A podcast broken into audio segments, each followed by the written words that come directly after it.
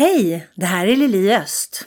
Jag vill börja med att säga vad glad jag är att du har hittat min podd och att du är inne idag och lyssnar. För min intention och vision gällande podden är att få den att sprida sig i alla skikt i samhället i syfte att inspirera till eftertanke, sprida kunskap och göra människor mentalt och emotionellt starkare.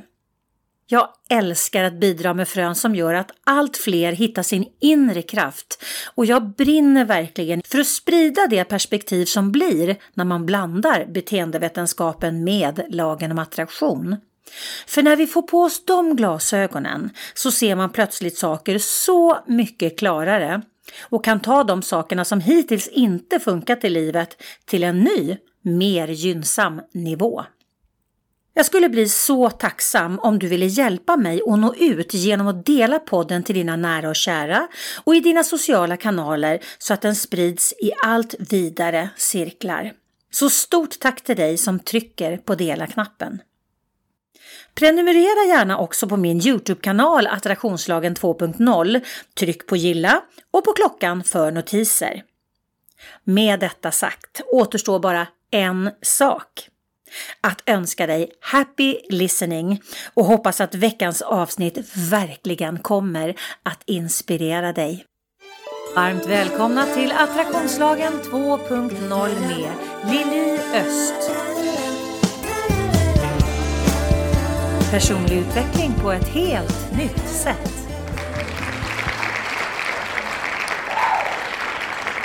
Varmt välkomna till Attraktionslagen 2.0. Det är Lili bakom mikrofonen som vanligt och jag sitter på Clarion Sign i Stockholm och njuter av poddlokalen och njuter ännu mer av min gäst som jag har här i studion idag. Jag har en extremt spännande kvinna, nämligen Carolina Gårdheim. Varmt välkommen! Tusen tack Lili, det är underbart att vara här. Så mycket glädje att sitta här med dig idag. Fantastiskt. Ja, vad, vad glad jag blir. Tack. Ja, ja. Jättehärligt. Och inför, vi har ju aldrig träffats du och jag, men inför det här poddavsnittet så, så ringdes vi och pratade. Mm.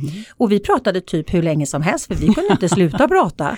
Hade vi inte haft några fler möten inbokade den dagen så hade vi förmodligen fortfarande pratat. Ja, misstänker det. Och det är så härligt när man hittar en människa liksom, som man aldrig har träffat förut. Men man, vi, vi, insåg att vi har ju gått så otroligt parallellt mm. med varandra i så många år. Ja fascinerande. Ja, Verkligen fascinerande när man ser tillbaka ja. och kan nästan spåra varandra.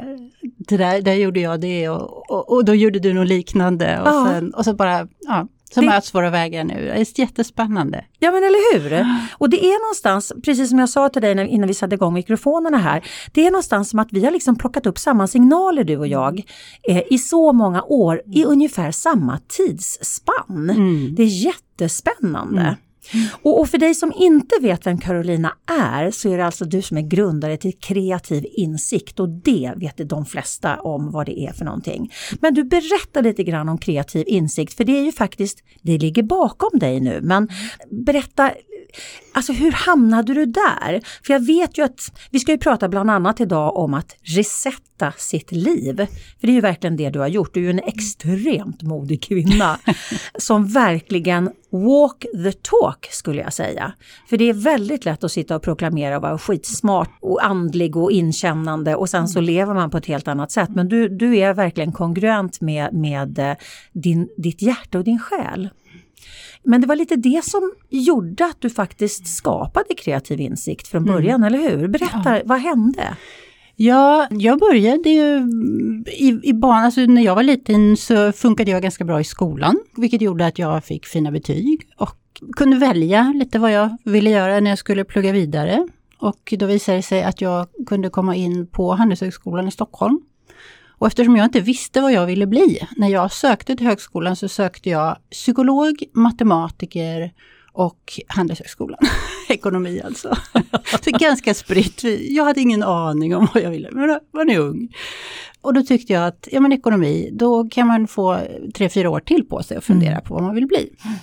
Så eh, jag pluggade där och sen fortsatte jag ju och eh, jobbade som projektledare och påläggskalv i en större organisation. Och när jag kom i 30-årsåldern så eh, råkade jag råkade jag, jag hamnade i vad jag senare förstod förmodligen var en utmattning. Mm. Och på den tiden, det här var ju då, oh, knappt att jag minns tillbaka, 97 1997, förra seklet.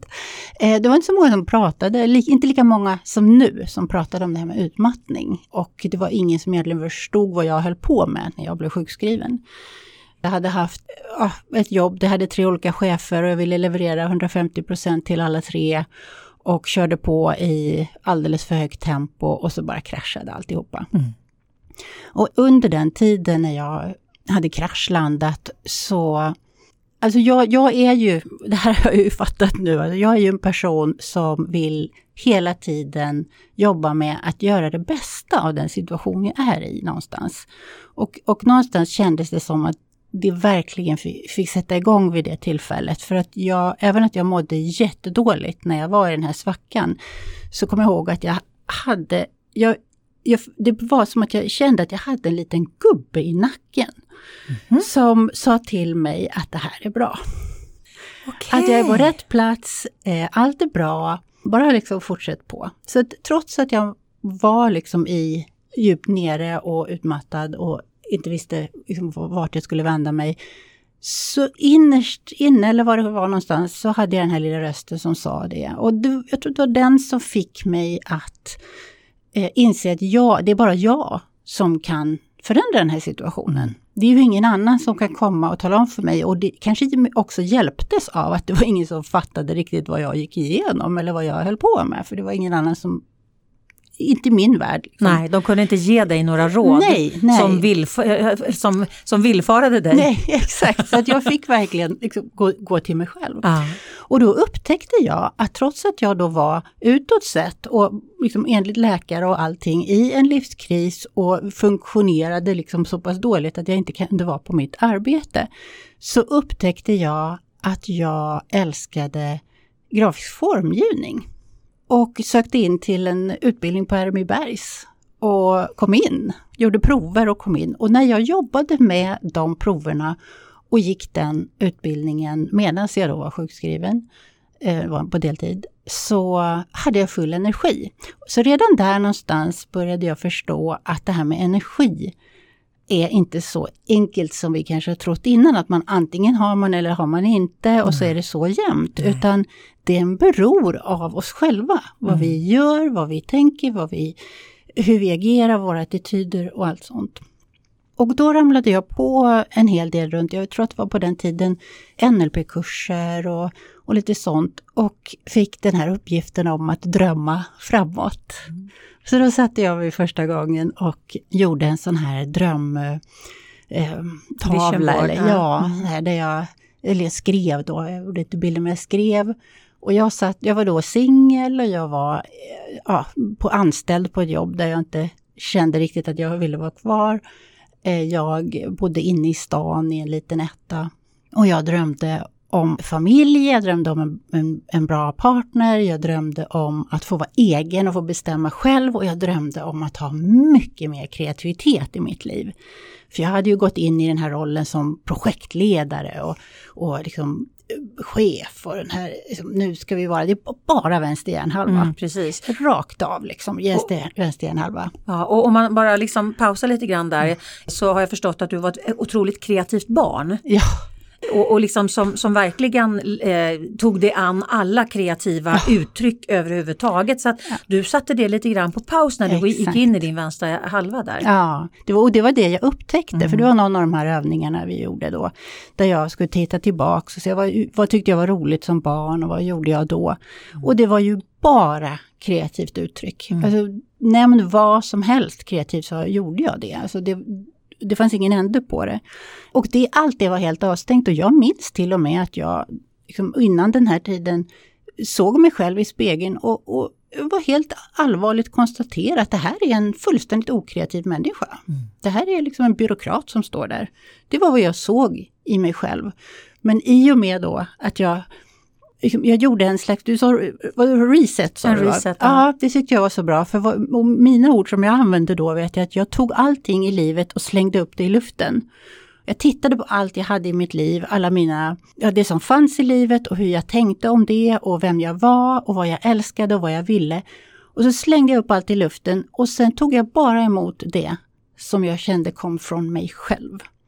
Och slängde bort allt annat. Vilken bra bild! Mm. Otroligt Det bra var den- metafor. Ja, för mig blev det en viktig bild. Att jag, Mm. jag bestämde mig för, jag gick till botten med vad är det, vem är jag egentligen? Och vad vill jag? Vad, vad älskar jag? Och så tänkte jag att det är det jag vill ha i mitt liv. Mm.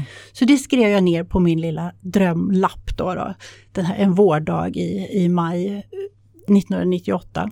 Och på den här listan då så stod det då att jag ville bli egen, jobba med nätverk med kreativa människor och jag ville ha bo nära naturen i ett vackert gammalt hus och jag ville ha en snäll och underbar och fin man och jag ville ha härliga barn. Och, ja, och tänkte att det där ligger väl en 20 år framåt i tiden någonting. Och sen fyra månader senare så träffade jag min man. Jag startade mitt företag.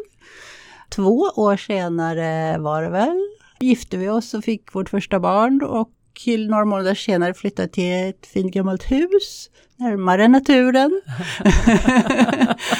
Så där såg jag ju kraften i det här, hur mycket vi kan styra när vi väl uttalar det här är vad jag vill. Mm.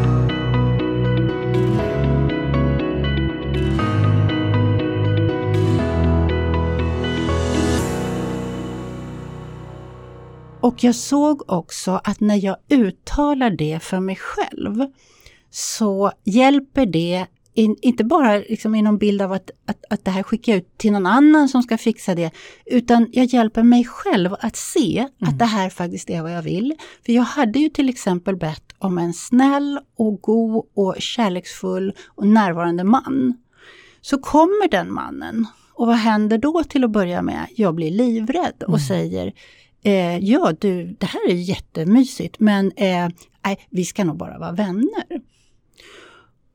Stackars människa, efter att vi upplevt då jättestarka känslor, eh, så går vi hem till var och en till sig och jag får så ont i magen. Och jag förstår till en början inte vad det handlar om.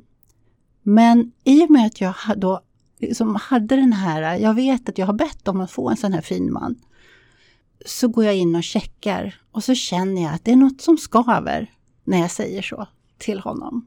Fastän hela jag skriker att det är det jag vill. Men längst där inne är det. Och då bara att jag har uttalat det här för mig själv så blir det lättare för mig att se att, men titta, det här kanske inte var den där drömprisen som kom ridande på en hingst och såg ut på ett visst vis som jag hade eh, liksom tänkt på tidigare. Utan det här är det jag faktiskt har önskat mig. Mm. Här är en riktigt bra man som kommer. Du kan inte säga nej till det här, du måste utforska det. Mm. Så jag ringer tillbaks nästa dag och säger, jag kan inte lova någonting, men jag skulle vilja, om det är okej med dig, att vi fortsätter utforska. Och det gör vi fortfarande idag. Vad är det, 23 år senare? så, så det här bara att uttala vad det här vill jag, Mm. eh, är så viktigt också för att hjälpa oss själva. Absolut. Att se vad, vad jag faktiskt vill. ja. Där någonstans började ju den här, för du frågade hur kom jag in? Det här är ju fortfarande, nu är vi fortfarande ungefär um, sex år någonting innan jag startade just kreativ insikt. Mm. Men det var här det började.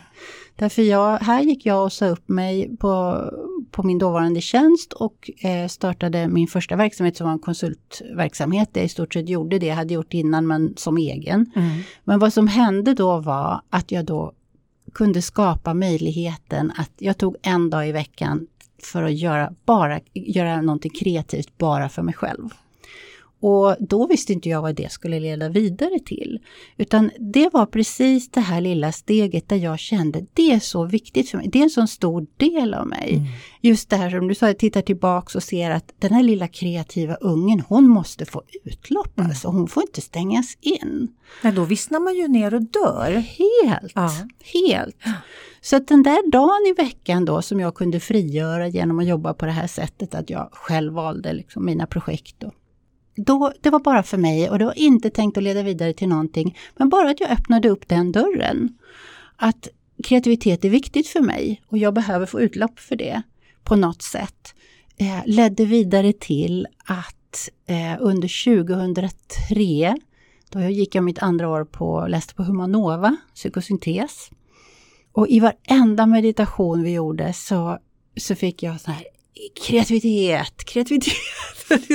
det är någonting du ska göra och du ska, åh, det är någonting. Så, alltså det var som att vara gravid i liksom nio månader med att det var något jag skulle göra. Och jag var frustrerad för jag förstod att det var någonting men mm. jag, jag visste inte riktigt vad. Vid det laget hade jag en, en eh, hade blivit eh, delägare i ett aktiebolag och vi eh, lärde ut profylaxandning inför förlossningen och jag hade jätteroligt, trivdes jättebra med det. Men även där kände jag att nu, nu min mage säger att det är någonting annat som ska in. Mm. Så att jag gick och pratade med min partner då och eh, sa, ledsen Anna men eh, alltså jag vet inte vad jag ska göra men jag behöver lämna nu hon jätteförstående, eh, kände liksom av att det här är rätt, det var rätt. Så för mig det var i augusti, hösten 2003.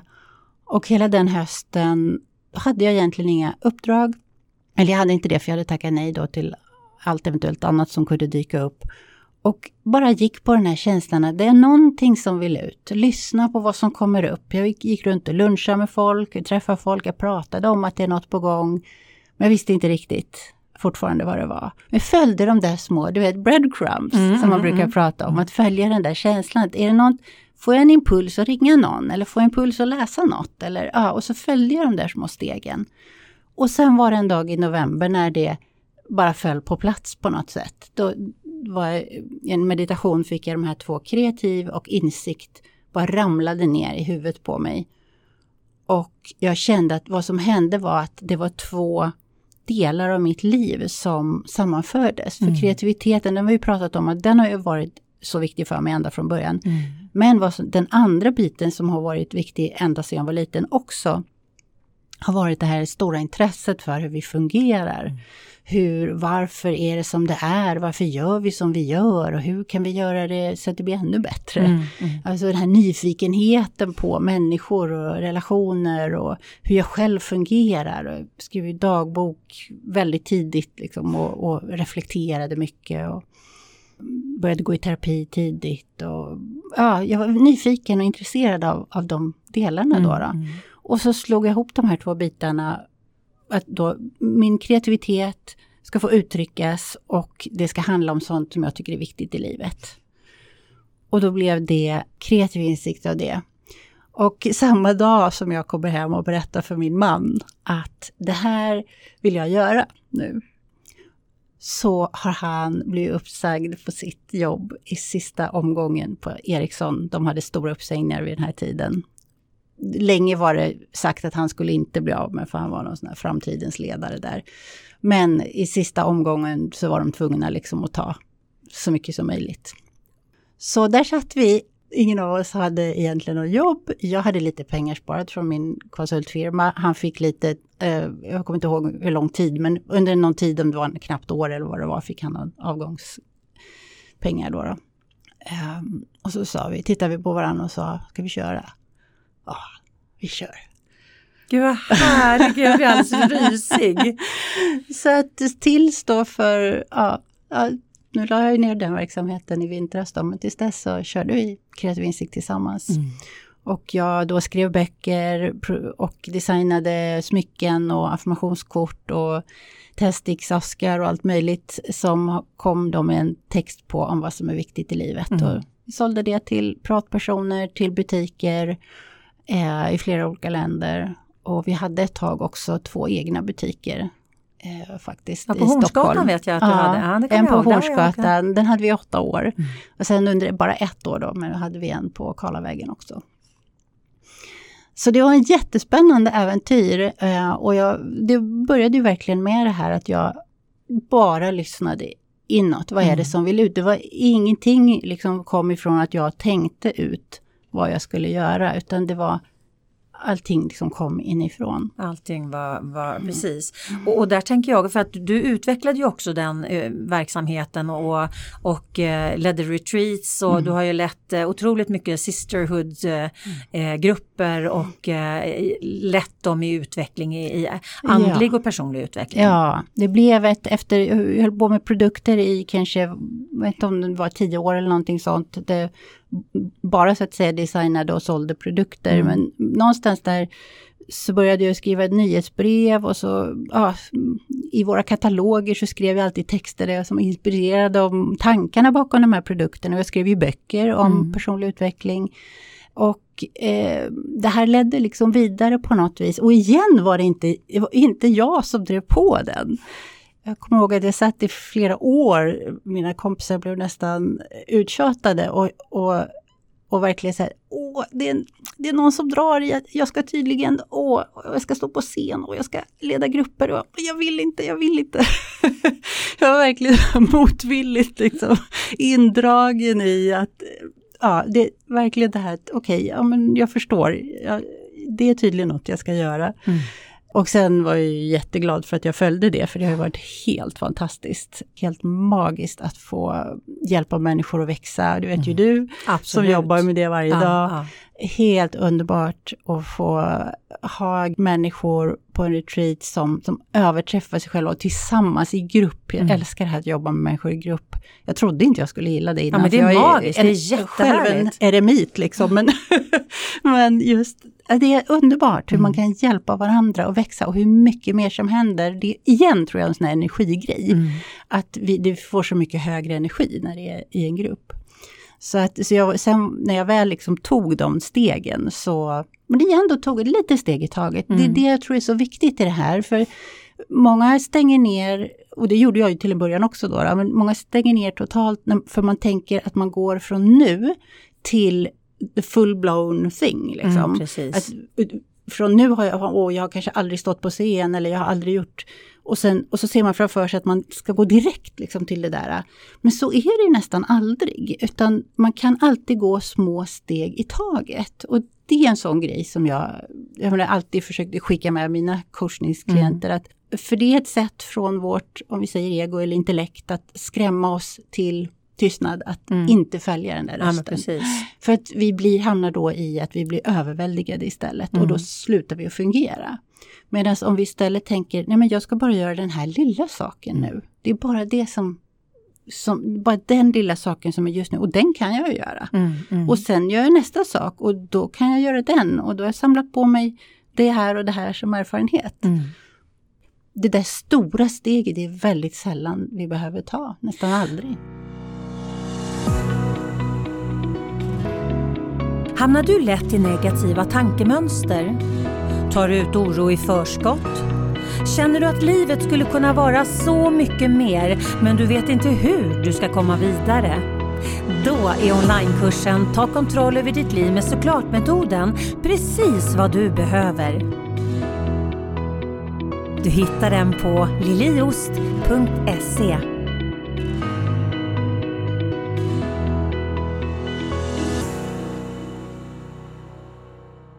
Nej, vi tar ju ett stort steg fast det är många korta. Ja, exakt. Det är det. I Eller- efterhand ser det ja, ut men, som ja, men ett stort precis. steg. Ja, men precis. Och, och jag brukar säga att ofta är det så att man står vid A och sen så tänker man att man ska till B. Mm. Men man vet inte hur man ska ta sig till B så man blir kvar vid A. Ja. Grejen är, hade vi vetat vid A hur vi skulle ta oss till B då hade vi redan varit vid B. Så att det är ju det här att, att våga lita på processen, att Mm. våga lita till att alla små steg är viktiga för att komma fram. Ja. För att har vi bara tagit ett stort steg då har vi missat så mycket information på vägen. Ja.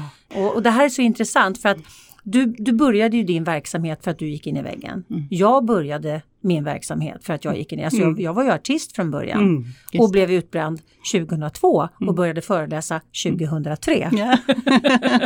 och har liksom utvecklat mig också, utbildat mig till coach Mm. och sen så bytte scen då, då från artistscenen till, Mm. till föreläsningsscenen och till coachning, eh, liksom till coachning. Ja. Och det, det är ju magiskt eh, att, att göra det. Mm. Men du har ju verkligen tagit att lyssna på sin inre röst till, till eh, liksom eh, ytterkanterna.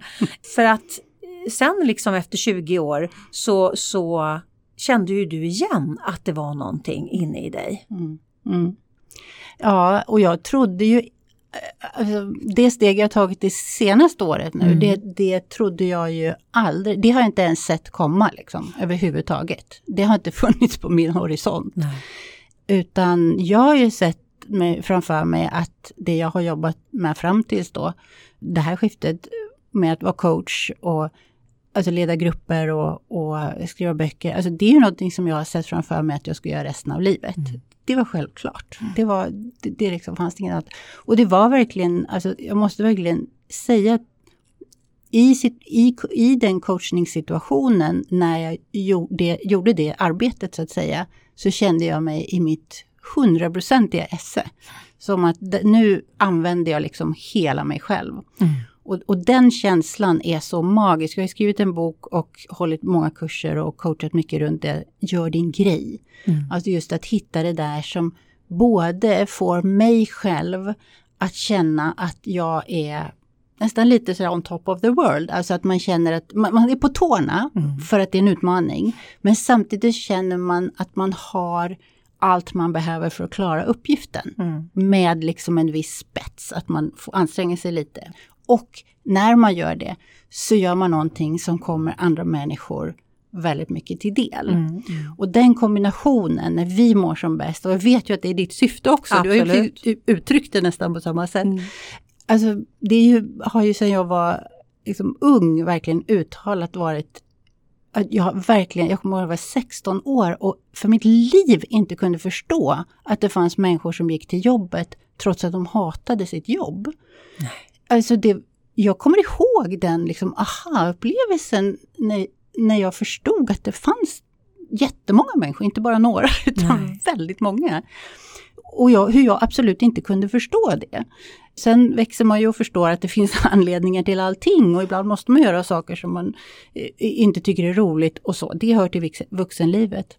Men den drivkraften är liksom så ja men den är så stark mm. liksom i mig och jag har ju en, en, en världsdröm liksom av hur underbart det här jordklotet kunde bli om vi alla kunde nå liksom den, eller sträva mot och inse liksom att jag, jag tror ju att varenda människa, om varenda människa på jorden följde den här inre rösten så skulle alla hamna precis på rätt ställe och det skulle bli bra för alla. Mm. Det är ju liksom den bilden. Jag är så, helt så, enig. Som, ja, som jag har. Eh, och det kan man tycka att det är naivt och att vi är långt därifrån. Men vad 17 var ska man börja? Man måste ju börja någonstans. Ja, man måste ju börja i sin egen trädgård. Tycker jag. eller hur? eller hur? Så eh, för, ja, för drygt år sedan, då, förra sommaren, och, och, jag tror att den här vändan, liksom, den här gången, i och med att jag var så fast eh, eh övertygad om att, att, att jag verkligen var där jag skulle vara. Att jag, jag var inte på väg att byta och göra något annat. Det fanns liksom inte i min värld. Så den här gången så var det kroppen som väldigt handgripligt ledde mig, ledde vägen. För jag, det började med att jag fick reaktioner eh, när jag satt vid datorn. Och sen när jag var vid staffliet och målade, för jag började måla för, det är några år sedan nu som jag började måla men på fritiden då. Mm, mm. Och, och, och, det var en blixtförälskelse. Alltså det var, en, det var fyrverkerier första gången jag öppnade upp för det liksom i mitt liv. Så jag visste att det var en stark kraft. Mm. Men jag hade aldrig ens tänkt tanken att det skulle vara något mer än på fritiden. Men jag då, hade då behållit det i mitt liv, så jag hade då inrättat, jag hade ett staffli liksom på mitt kontor så att jag liksom kunde gå emellan.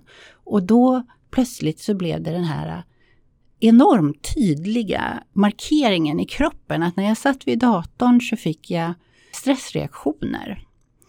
Och förut har jag ju fått det när jag då inte har trivts eller det är något som har känts fel. Men det var det då inte den här gången. Så jag tyckte det var ganska intressant.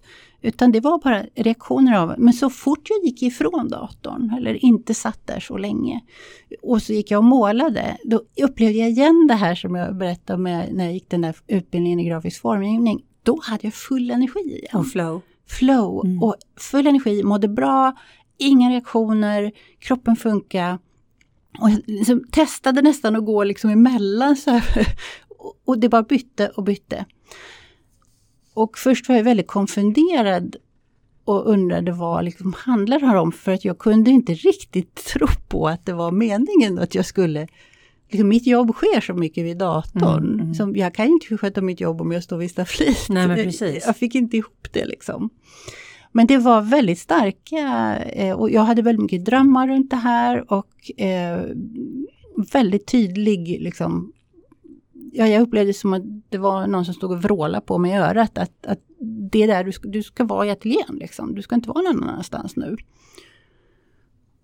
Så att jag, i och med att jag då är den jag är då, att jag dagligen berättade för mina klienter och mina kursdeltagare och retreatdeltagare att det är de här signalerna, de ska vi ju lyssna på och mm. vi ska agera på dem. Vi ska inte bara lyssna på dem och höra att de finns, utan vi ska ju också följa dem. Mm. Även när de verkar helt galna. Och det har jag pratat så många gånger om med mina klienter, att liksom, även de där där det bara känns som att, nej men varför ska jag göra det? Jag har ingen aning, vad har det med saken att göra? Ja, men följ, för att vi vet ju inte alltid vad det ska leda till. Nej, precis. Utan det är det som är så häftigt i det här när man börjar följa de här signalerna, att man liksom överlämnar sig lite till som jag ser det, det finns faktiskt en ännu större intelligens på något sätt mm. som, som hjälper mig att nå någonstans som jag aldrig hade kommit på själv. Men som är menad? Men som är någonstans mm. menad mm. och som är bra för mig och bra för andra. Mm. För där är också ett, tryck, ett, ett sånt här äh, trixigt ställe där vi gärna hejdar oss därför att vi tänker att det här kan ju inte vara... Det här, det här om, om det, det här är, vi kan se att det här är bra för mig men så är vi ofta väldigt snabba att tänka att nej men då går det ut över någon annan eller det mm. kommer inte vara bra. Men min erfarenhet är att det alltid också kommer andra till del. Fast vi kanske inte ser det direkt från början. Så, att, så jag var ju i det där att ja, men jag får väl försöka försöka följa det här. Så mitt första steg var då att jag samlade ihop mitt team och, och förklarade att min kropp talar om för mig att jag ska vara i ateljén och inte vid datorn. Hur kan vi lösa det? så då spånade vi lite om det och kom fram till att vi säger ungefär sex månader, då, eller fram, fram till nyår hade vi tänkt då, från sommaren. Så lanserar vi inget nytt och vi utvecklar inget nytt, utan jag gör bara det som jag redan har, liksom, eh, de som redan går program och det som man redan ska göra. Och sen lägger jag över så mycket som möjligt annat. För jag hade ju ett team jag jobbar med, så att jag kunde lägga över så mycket som möjligt till dem. Och sen och så gör jag liksom minimum och resten av tiden målar jag. Och så vet jag inget mer om vad det ska leda till. För jag tänkte ju till en början att nej men det kanske bara är någonting, någon slags, någonting som ska helas inom mig. För jag kände väldigt tydligt att det var helande för mig att, att vara, mm. att måla. Men jag, jag, visste inte vad då, men jag tänkte det kanske är bara något som ska helas. Det kanske är någon kreativ idé jag ska få till min verksamhet när jag målar. Men så tänkte jag att jag släpper allt det där. Jag behöver inte veta. Nej. Utan jag följer. Mm. Och då hade jag ju möjligheten att göra det och vi tänkte ju då att ja, men sen kommer det väl ut något av det här och sen kör vi på igen sen. Det var bara det att sen när jag håller på med det där några månader, då blev det ju ännu tydligare och starkare signaler om att det var målningen jag skulle fortsätta med. Mm.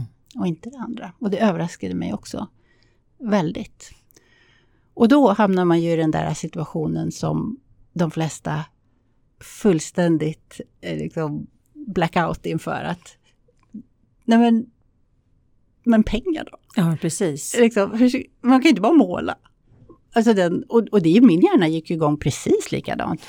Jag är inte någon, jag har inte bara seglat genom det här liksom lugnt som en filbunke, utan jag förstod ju inte hur sjutton ska det här gå till. Jo, dessutom så kreativ insikt var ju någonting, det var ju en lukrativ business. Ja, ja, som, som du liksom bara fick indikationer på att, mm. vet du vad, nu fimpar vi det här. Ja, helt galet. Helt galet. Jag har en verksamhet som jag gillar, mm. som går bra, mm. som är efterfrågad. Folk var ju, ja det var många som var jätteledsna för, mm. naturligtvis för att jag la ner den. Och, och det är en annan sån sak, man gör människor besvikna. Mm. Men just och det knyter tillbaka till det jag sa förut, alltså jag har ju den här erfarenheten och tron på att när jag följer de signalerna som är så tydliga inifrån mig, så någonstans är det bra även för andra. Man kan ju bli ledsen för en sak i stunden, att man avslutar någonting, men det var ju jag också. Mm, mm. Men vi gjorde ett jättefint avslut tillsammans, alla med, i Sisterhood som var mitt medlemsprogram då, vi gjorde en fin ritual där vi liksom tittar vad vi tar vi med oss och vad vi vill lämna och hur vi vill gå vidare och så. Och då kan man göra någonting fint av det och sen ta nästa steg Och förmodligen är det meningen att man då ska utifrån det, liksom, att alla får en möjlighet då att ta Ja, vidare det, ett, precis. ett är nästa steg. Ja, och du visar ju någonstans vägen för du visar att du är kongruent. Eh, Du visar liksom att det här som jag har sagt till er nu, som jag har liksom proklamerat så, så hårt och, och så sant, det är sant även för mig. Ja.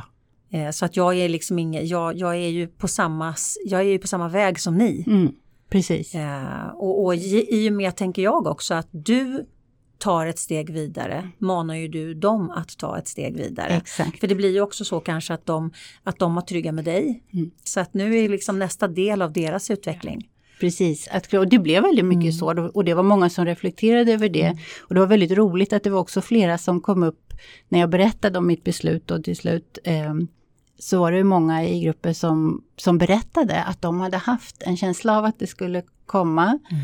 Och att de själva hade börjat eh, känna att det var dags att stå på egna ben Mm. och att liksom lämna just den här stödfunktionen då Mm. som jag var.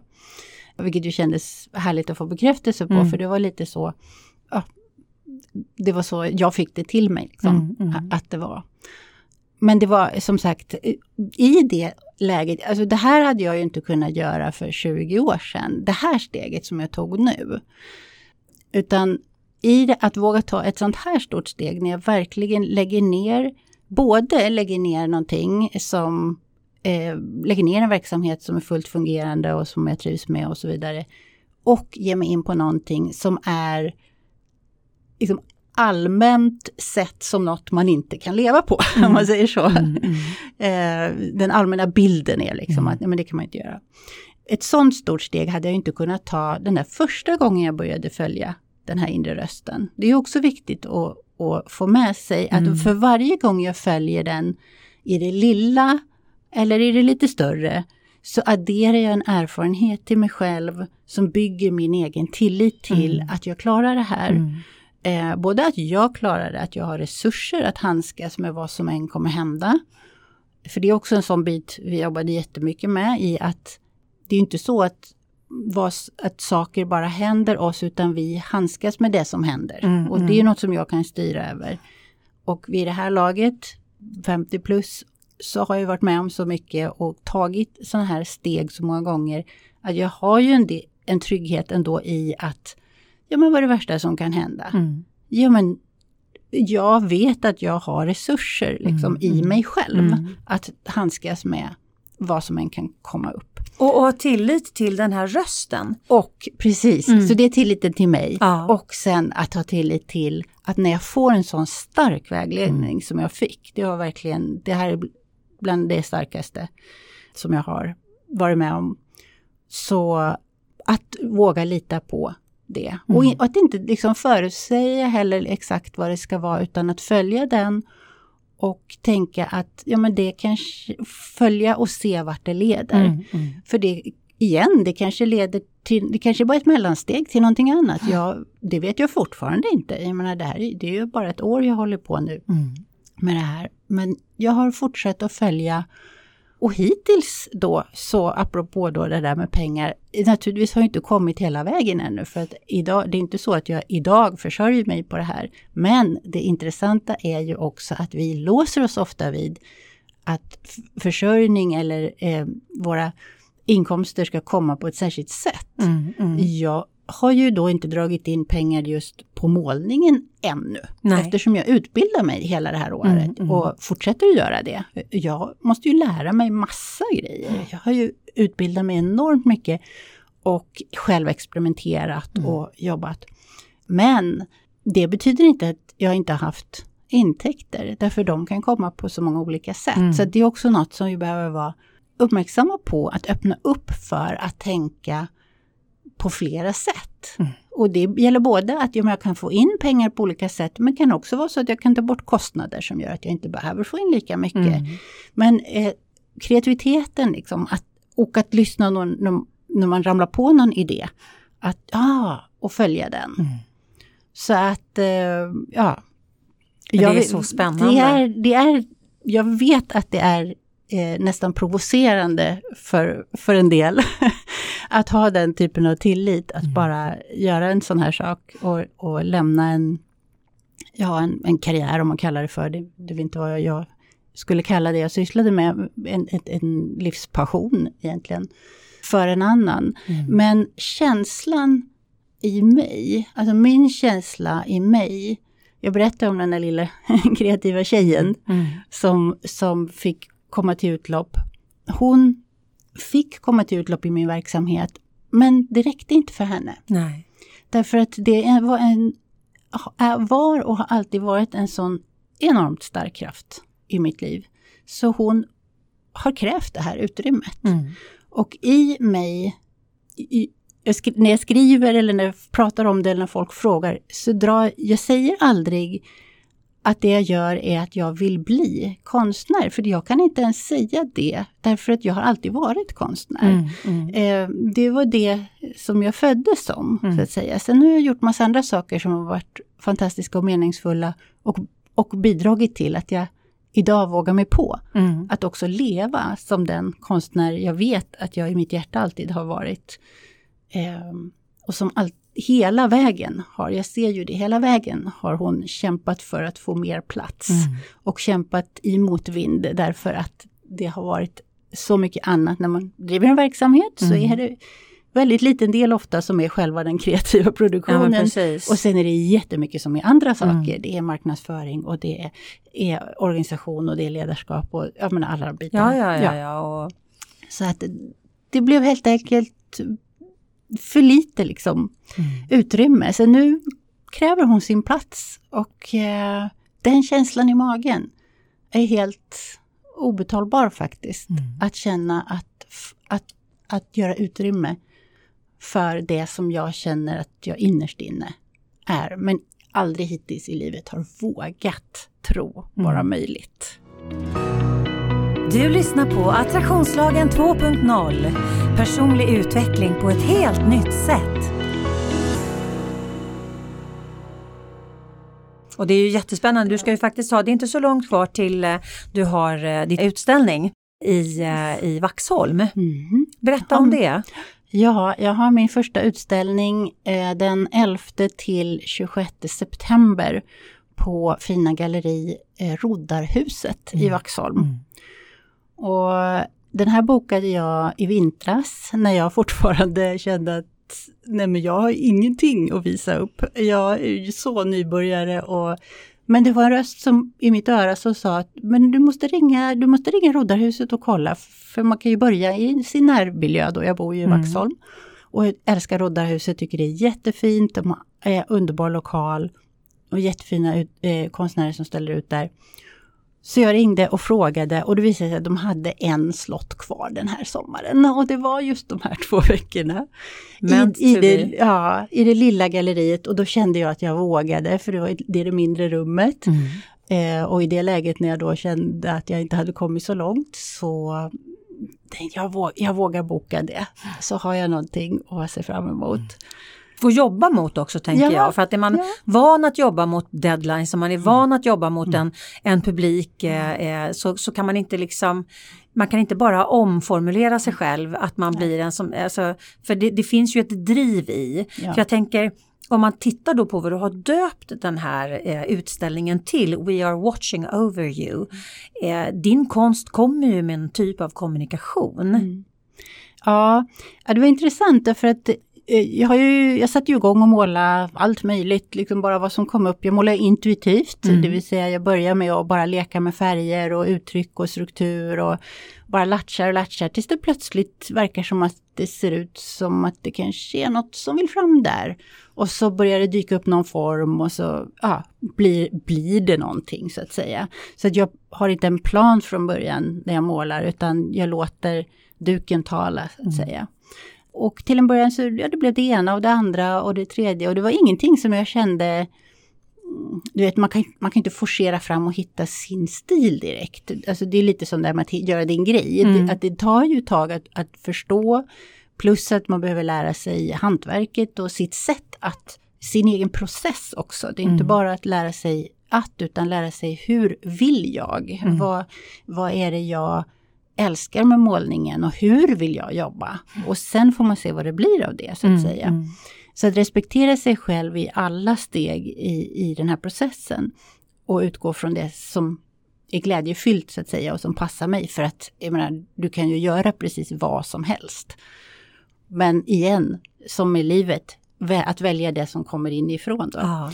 Och det är det som det finns din energi i tänker jag. Ja, det är ju det. Ja.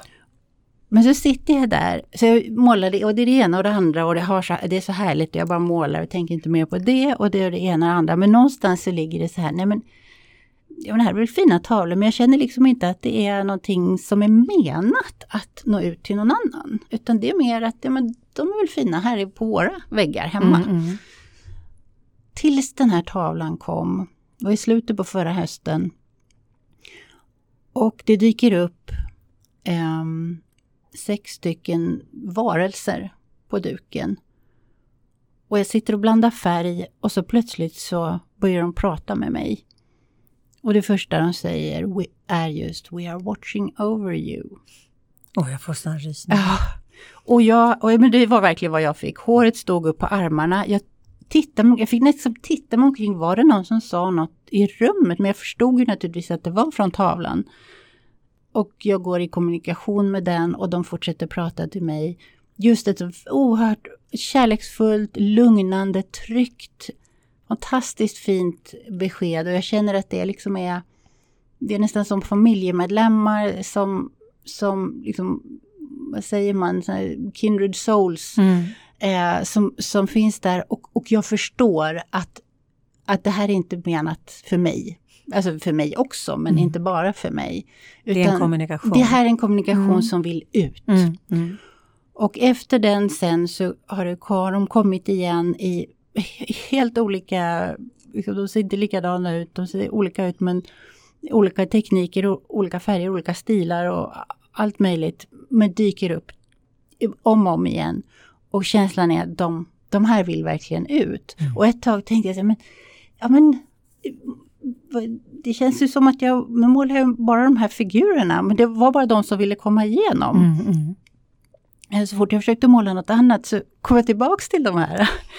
Och, och, och igen då så fick jag ju då ja, men överlämna mig till processen, att det är meningen att de här ska ut.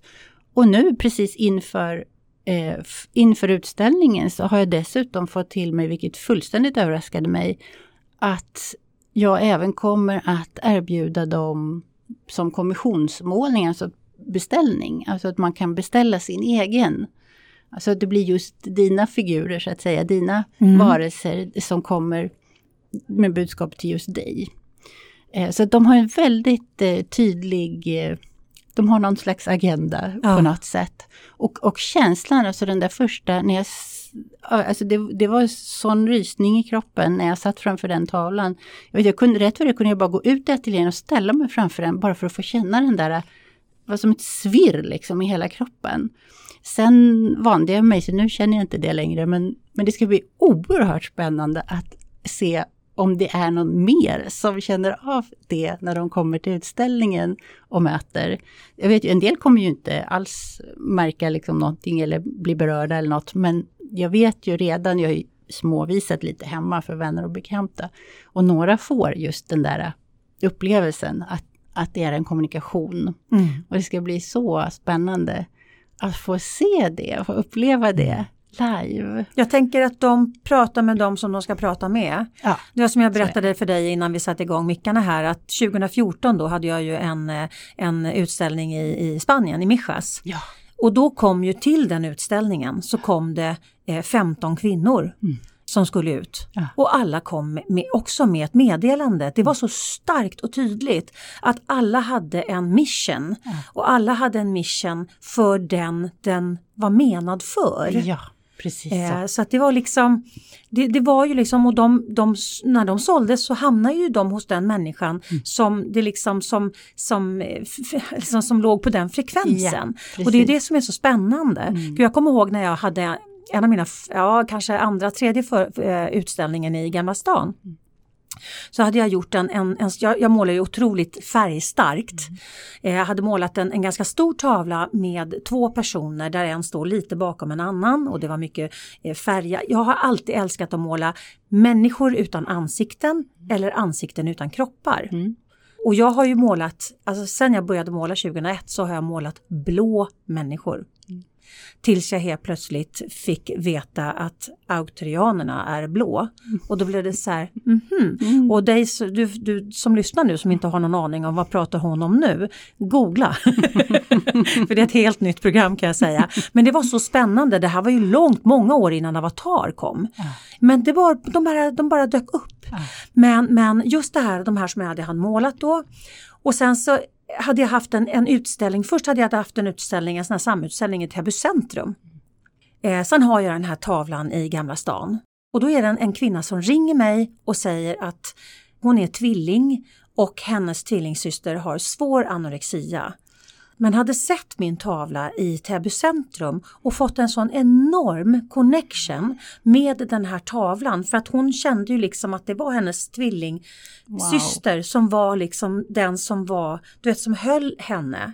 Så att hon, hon letade upp mig efter mm. konstens alla regler och kom då till den här äh, utställningen i Gamla stan och köpte mm. tavlan till mm. sin syster. För att den, var, den gav hennes syster healing. Ja. Och du vet jag började nästan gråta. Ja. Ja. Eh, det var helt ja, galet. Men det är det här jag älskar med mm. konst. För att det just det här att det är en kommunikation som sker Alltså jag har ju varit en ordmänniska mm. hela mitt liv också. Jag har varit konstnär men även författare liksom från, från små, små ben höll jag på att säga. Från tidigt. från när jag hade exakt korta ben. ja, precis. precis så. Och orden har varit så viktiga och starka. Mm. Mm. Men under det här året när jag har gått in i målningen mer och mer så har jag upplevt hur orden har nästan försvunnit. Och hur jag har gått in i energin mm. på ett sätt när man inte sätter ord på, alltså jag får alltid en, det är alltid en titel eller budskap, det är något ord som kommer med. Mm, mm. Eh, men det kommer kanske på slutet eller så, utan under tiden när jag jobbar med den så har jag gått in just i energin av tavlan. Mm. Och alltså det spännande är och, det här är en anledning också eh, till varför jag inte hade kunnat göra det jag gör nu för några år sedan. Därför att under alla de här åren när jag jobbade som coach så jobbade jag jättemycket med energihöjning och höjde min egen energi och eh, fi, finjusterade liksom min egen känsla för att uppfatta energi. Du är väl utbildad schaman också? Du går väl schamanens väg? Ja, ja, ja precis. jag upptäckte, det var mm. också en sån sak jag upptäckte på den resan, att att det har jag med mig i mitt, eh, i mitt bagage, att säga, mm, att, mm. att jag har den eh, schamanens väg med mig. Och det tar jag nu in i målningen och märker att, för jag jobbar också i väldigt, väldigt många lager. Mm. Och då, är det ju, då kan man tycka så här, den rationella hjärnan kommer in och tycker att ja men nu har vi, nu har du massa lager, du har lagt massa färg här som liksom inte syns. Som åh, kostar massa pengar och allt möjligt kan ju då så mm. vänstra hjärnhalvan komma in och säga. Men för mig är det så att varenda lager tillför energi. Mm, mm. Och det är det som man sen uppfattar mm. av tavlan. Mm. Och den här mer ordlösa energin, när vi, försöker, när vi släpper den här analysen, mm. alltså den här vänster hjärnhalva analysen av att oh, det där var ett fint penselsträck och vad har vi liksom för färg här eller vad är det för verktyg eller och är det här någon strömning liksom, ja och det är som impressionisterna. Eller, menar, man släpper allt mm. den där analysen och bara låter energin ta, tala till oss så att mm. säga. Det är då vi verkligen kan möta konst. Och det är då de här sakerna kan hända när man känner, man kan känna sig omfamnad av en tavla. Man kan få tröst fastän man inte ens, det kan vara en abstrakt tavla, man mm. förstår inte ens, den föreställer ingenting, man förstår inte. Men man kan ta in den. Mm. Alltså det finns ju tavlor där, som man kan sitta framför hur länge som helst fastän man kanske inte alls man har liksom ingen tanke om vad det föreställer eller man vad det är. Man ser inte motivet, nej. nej man jag menar, ta mm. Hilma af Klint, jag var mm. på hennes utställning när de visade henne nere i Malmö. Och att sitta bland hennes, de här tio stora som hon hade, hade de en jättevackert uppsatt i en sal där. Alltså det är som att sitta i ett ett helande bad, upplevde, det var min upplevelse. Mm. Det kan vara någon annan som har helt andra och det är det, är det som är så härligt. Mm. Man kan gå på en utställning och man får ingenting av den och så går man på en annan och så får man med sig hur mycket som mm. helst. Mm. Och någon förstår man och någon förstår man inte alls, men det är liksom inte det viktiga. Nej, för det är det du plockar upp. Men du, de som inte vet vem Hilma af Klint var, berätta lite grann, för det är ju ett väldigt spännande... Ja, det är ett spännande konstnärskap. Hon var ju en pionjär inom abstrakt måleri i, vid förra sekelskiftet. Så hon var, man brukar ju säga de här Kandinsky och, och några andra som brukar närma, nämnas som de första mm. inom det här abstrakta måleriet, men hon var faktiskt till och med före dem. Men hon visades inte utan eh, särskilt mycket. Hon dog ganska ung, hon målade jättemycket och hon målade uppkopplat. Mm. Hon tillhörde då de här spiritisterna som mm, jag tror man, mm. de kallades på den tiden. På, på modet då. och, de, eh, och när hon dog ganska tidigt, 40-talet någon gång tror jag, så stängdes hennes, eh, det skulle inte visas förrän om 50 år efter hennes död, hennes verk, därför att hon ansåg att tiden var inte mogen för att ta emot budskapet. För mm. att hon kände att det här var budskap som kom utifrån mm. och nu mm. får stå ja, håret upp på mina armar. På mig med kan jag säga. ja. Och det har ju så att säga legat henne i fatet liksom i konstvärlden. Därför att har man inte haft synts på utställningar och äger inte folk tavlor som kan värderas på Bukowski och så vidare så, så anses man liksom inte höra till. Men när då hennes tavlor väl kom ut mm för första gången så blev det ju rusning, alltså över hela världen och det är ju några av de mest besökta utställningar i världen mm. liksom, sen och de har visats. Och hon, är en svensk kvinna alltså. Mm. Fantastiskt. Eh, och det är helt ja, oerhört spännande. Mm. Och, ja, det, har skrivits, det finns en jättefin bok som jag nu inte minns vad den heter, men den heter väl Himma och Klint, som ja, bland annat försöker berätta om hennes liv och ja, dokumentärer och allt möjligt om man är nyfiken. Mm, um, men väldigt, väldigt spännande och på, jag noterade på den utställningen att det var väldigt många, när man gick ut och lyssnade vad andra besökare sa, så var det väldigt många som sa just, just sådana här saker som att jag förstår det inte riktigt men alltså det är något som känns och det, ja mm. sådär. Uh, och det är ju så, ja, jag tycker det är jätte, jättespännande. Och jag känner att vi är i en tid nu mm. när vi är mycket mer mottagliga för sånt ja. här. Och det är kanske därför som det, det liksom ditt kall kommer nu. Ja. Eh, jag, jag får ju också upp jättemycket nu att jag har faktiskt tagit ner mitt staffli i, på kontoret nu för att eh, nu är det dags för mig att börja måla igen. Jag har haft yes. några år där jag inte har målat mm. och nu känner jag för att, att vara i penseldraget det är en, en, en, en healing. Ja. Eh, och jag skickar ju min healing genom konsten jag också yeah. så att det, det finns ju Alltså det finns en, en agenda. Jag är mm. helt övertygad om att det finns en agenda varför vi får våra, eh, liksom, varför, varför vi får informationen när vi får den. Ja. Mm. Behöver du hjälp att sortera i ditt liv? Läs mer på liliost.se. Det är mm. det som är så spännande att, att, att följa och inte själv kanske riktigt förstå, för det måste jag säga att, att det har inte riktigt liksom förstått. Men någon gång i framtiden kommer jag förhoppningsvis se tillbaks och förstå mer av hela den här processen. Mm. Pusselbitar faller på plats var och en, men det är en spännande resa att våga släppa mm. taget på det sättet och ge sig ut. Och som sagt, det behövs att man kanske har gjort några steg och, och, och provat liksom i det, i det lilla. Mm först och känna att det, att det funkar. Det, jag vågar, jag tar, provar det här, jag mm. provar det här. Mm. Och sen vill jag gärna liksom skicka med, om det är någon som står liksom på tröskeln, att, att faktiskt våga ta det steget. Men en sån enkel tanke som vad är det värsta som kan hända, tycker jag har hjälpt mig många gånger. Ja. Därför oftast är det inte så farligt. De, vi lever i ett land med fantastiska möjligheter. Mm. Vi mm. har väldigt, väldigt eh, goda förutsättningar. Ja, och att vi är oftast, våga. Ja, och mm. vi är oftast ganska kapabla.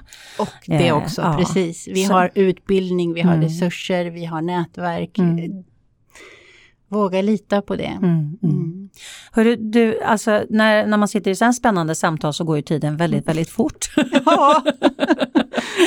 så vi behöver sy ihop påsen. Men jag vill återigen flagga för din eh, utställning ja. eh, i Vaxholm. Så upprepa gärna eh, datumen och var man hittar dig någonstans nu för tiden när inte kreativ insikt är eh, liksom där man hittar dig. Just det, jättefint tack. Eh, jo, utställningen som alltså heter We are watching over you kommer gå den 11 till 26 september. Den 11 är en lördag, det är då vi har vernissage. Och den går söndag till, under de här två veckorna så är det stängt på måndagar, annars är det öppet alla dagar 11 till 4. Och det är Galleri Roddarhuset i Vaxholm. Vilket blir en jättetrevlig höstutflykt. Vaxholm är väldigt vackert på, så här i början på höstkanten. Ja, jag har redan bokat. Jag ska jag har en sleepover med min väninna Michelle som bor i Vaxholm. Ja, så vi gör en hel dag. Åh vad trevligt. Och det, på galleriet finns det också ett, ett café. Jättemysigt. Och det finns en liten shop med eh, såna konsthantverk. Och det ställer, är tre andra härliga konstnärer som ställer ut också samtidigt. En målare, en keramiker och en fotograf. Så att det finns mycket att titta på. Spännande. Och jag, eh, mitt företag nu heter Gårdheim Art. Och det finns på webbadressen gardheim.com. Gardheim Art va? Nej, ja, nej, skriver du det så kommer du till gardheim.com. Okay. Så att båda funkar. Aha, okay. Men gardheim.com blev kortare. Okay. Så jag körde på det. så det är huvudadressen. Och sen på, eh, finns jag på Instagram och även Pinterest fast jag har varit, inte hunnit med det särskilt mycket. Men framförallt Instagram, också eh, Gardheim Art. Eller Gårdheim Art är det väl. Men båda går ju att söka mm. på. Mm. Och på Instagram art, ja. kan man ju faktiskt se den här tavlan som vi har pratat om nu Just här det. med de här varelserna som pratade Precis. med dig. Mm. Och på min hemsida har jag en blogg, det står journal, för det står på engelska. Och där finns det eh, hela berättelsen om hur de här kom till mig, de här We are watching over you.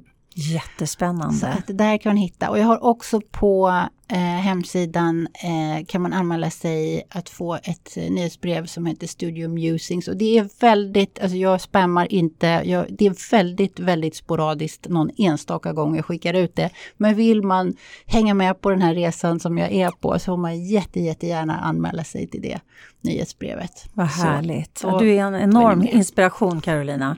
Tack. Tack snälla du för att du kom hit och jag är så himla glad att vi fick träffas in real life och nu får vi faktiskt ses snart igen eftersom jag ska Yay! på ditt vernissage. Yes, underbart, underbart, jättehärligt att vara här.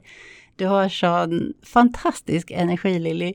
Eh, och det, ja, när vi just pratar om energi så är det, det, är ju så, det blir så tydligt, när man blir medveten om energi så blir ja. det så tydligt att möta människor där man känner att man båda lyfter varandras mm, energi. Mm. Så det är fantastiskt, det har varit en underbar stund att sitta här med dig och med alla som lyssnar, för ni är faktiskt också med här. Även att vi spelar in det innan ja. så är vi ju alla, tid är ju som vi vet en illusion. Jajamän. Så att alla är med. Så underbart och tack för alla som är här och lyssnar. Ja, vilket fint avslut. Tack snälla Rara. Mm. Och tack alla ni som lyssnar säger jag också och varmt välkomna tillbaka nästa vecka.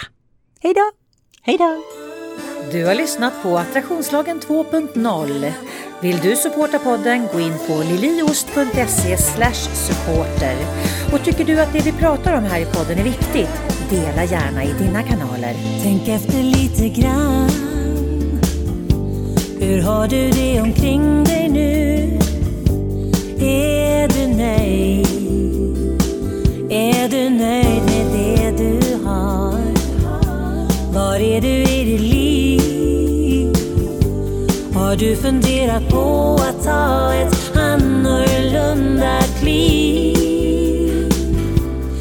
Känner du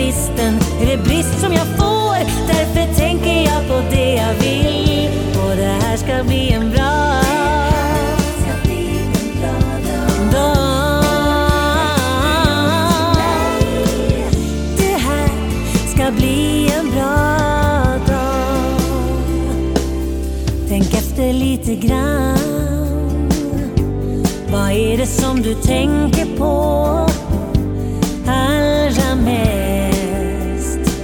Det du har eller inte har. Vem är du i ditt liv? Och har du tagit rodret eller